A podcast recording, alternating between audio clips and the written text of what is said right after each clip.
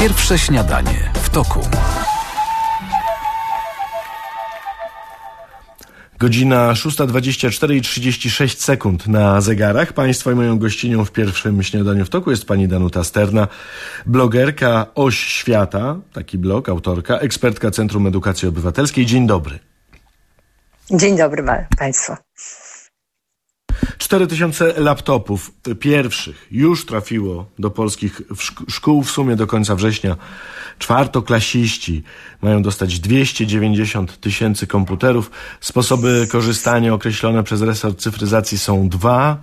Rodzice mają do wyboru albo taką opcję, że dostają laptopa na własność na podstawie umowy podpisanej ze szkołą, albo i po, no i po pięciu latach, zdaje się, e, można dopiero sprzedać lub w inny sposób rozporządzić komputerem, albo y, po prostu pożyczają komputer ze szkoły, ale dziecko ma go na stałe y, w domu. Czy to jest dobry i potrzebny program? Moim zdaniem nie. E, przede wszystkim chciałam powiedzieć jedną rzecz, i to jest prawda udowodniona, że dzięki, no, dzięki pandemii żeśmy się o tym dowiedzieli, że nauczanie przez komputer i online jest dużo gorsze właściwie mało skuteczne. Na całym świecie o tym się mówi i, i, i mówi się o tym, że są braki w nauczaniu, więc to bym chciała powiedzieć, że ta taka tendencja, żebyśmy przeszli na komputer jest niewłaściwa, ale to jest y, powiedzmy sobie nieprawda, bo nie chcemy przechodzić, tylko chcemy włączyć y, IT do, do nauczania. Ale od strony technicznej, jeżeli weźmiemy jeżeli te komputery miałyby być w szkole, na przykład dziecko miało być, czwartoklasista miało być w szkole, to po pierwsze wysiada sieć e, internetowa. Bo tyle osób się nie, zaloguje do internetu i nie wiem, jaką, jakie musielibyśmy mieć łącza. Poza tym e, ładowanie tych komputerów. E, dzieci są małe, to e, będą się potykać, mhm. nie wiem, o kable, o wszystko, będą te, te komputery niszczyć. Więc to wygląda na to, jak rozmawiałam, bo próbowałam rozmawiać z dyrektorami i z nauczycielami, to powiedzieli, no w szkole to praktycznie biorąc niemożliwe. No więc dobra, no to w domu. Domu. Dziecko ma komputer w domu, ale to przecież my walczymy z tym, żeby dziecko nie było uzależnione od y, mediów, od komputera, od innych rzeczy, a dajemy mu jeszcze jedne, jedną taką możliwość. Poza tym, jeżeli on będzie y, troszeczkę to tak daje nauczycielom taką możliwość, no dobra, no to niech on się uczy w domu dajemy mu komputer i inne rzeczy. Żadnego nadzoru nauczyciela nad tym, co on robi nad tym mhm. komputerem, więc, więc też rzecz nie y, właściwie... No dobrze. Mhm. To ja wejdę trochę w rolę adwokata diabła. Aha, no i powiem, powiem, ta, powiem tak, no dobrze, y, pomyślał sobie minister, ale ileż jest dzieci w Polsce wykluczonych cyfrowo, a przecież wśród nich mogą być przyszli geniusze informatyki, programowania. Tak, oczywiście. I, tak mamy I mamy w szkole lekcje informatyki. Jeśli są dobrze prowadzone, to oni mogą być usatysfakcjonowani. Faktem jest to, że jako plus można powiedzieć, no dobra, przyjdzie następna pandemia i co my zrobimy, prawda? Bo były, e, szczerze mówiąc, w ogóle się mm. o tym nie mhm. mówiło, że te dzieci były. No ale tu przepraszam, tutaj tu pani wchodzi w rolę adwokata diabła, a ja skontruję. Tak. Bo samorządy sobie świetnie z tym poradziły. Ja sam znam takie samorządy, gdzie po prostu y, wójtowie, burmistrzowie w, w ciągu kilku dni od różnego rodzaju partnerów pozałatwiali komputery dla tych dzieci, które, które ich nie miały.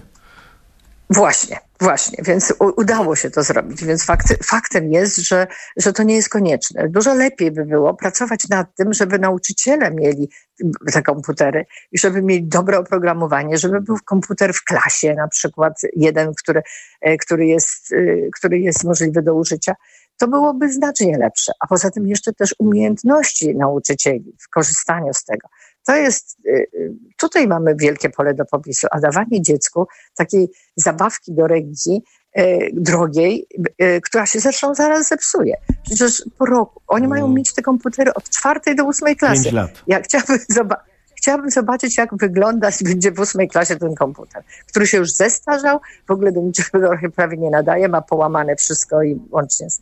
No, to wydaje mi się po prostu jakiś no, naprawdę chybiony pomysł. No. Jest wiele innych miejsc. No, a może on jest, a może on jest bardzo prosty logicznie i logiczny do wytłumaczenia. Mamy 15 października wybory.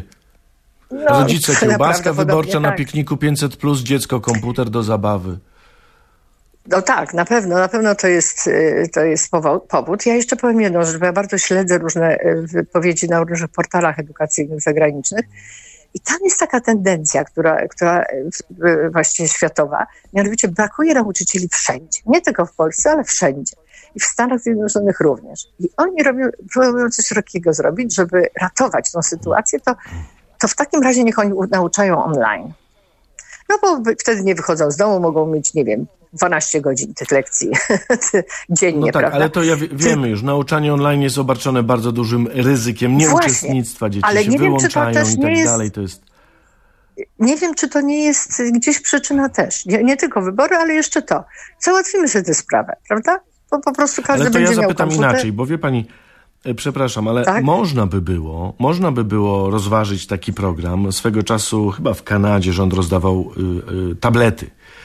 Y, Czy tam, Aha. nie pamiętam w którym kraju, nie chcę Państwa okłamać, ale pamiętam rozmowę na Aha. ten temat, z której wynikało, że były one traktowane jako urządzenia rozszerzające wachlarz narzędzi edukacyjnych, różnego rodzaju Mhm. interaktywne formy edukacji, gdzie trzeba było coś kliknąć, żeby coś osiągnąć, żeby się czegoś dowiedzieć, zdobyć kolejny punkt, kolejną premię i tak dalej, i tak dalej, ale te kompetencje nabywali najmłodsi uczniowie, nie czwartych klas, tylko Mhm. gdzieś tam jeszcze, jeszcze niżej. Może po prostu taki program miałby ręce i nogi, gdyby był racjonalnie przygotowany, a do niego cała infrastruktura wgrana w te komputery. No dokładnie, dokładnie. Tam w ogóle nie wiadomo, co będzie. Tam chyba nie ma o tym Hmm. takie, nie wiem, ale chyba nie ma o tym zabezpieczeniu korzystania z różnych stron. Hmm. Znaczy, nie jestem pewna, ale nie, nie wiem. Znaczy, Mo- no, może być, zawsze tego to nie można wiem. To przekroczyć. zostawmy, bo jest jeszcze jeden taki temat obok trochę, ale jednak dotyczący edukacji, Tak. o który wykorzystując Pani obecność muszę zapytać, bo jak Pani zapewne wie, dzisiaj Lex Czarnek w wersji 3.0 trafia do Senatu. Projekt jest okrojony w porównaniu do pierwszych dwóch wersji zawetowanych przez prezydenta Andrzeja Duda, ale nadal, jak zwracają uwagę różni eksperci, w zasadzie zakazuje wprowadzania do szkół, przepraszam, wprowadzania do szkół organizacji e, pozarządowych, podporządkowuje edukację w pewnym sensie Ministerstwu Edukacji. No to- E, Jak To pani naprawdę ocenia? tragedia.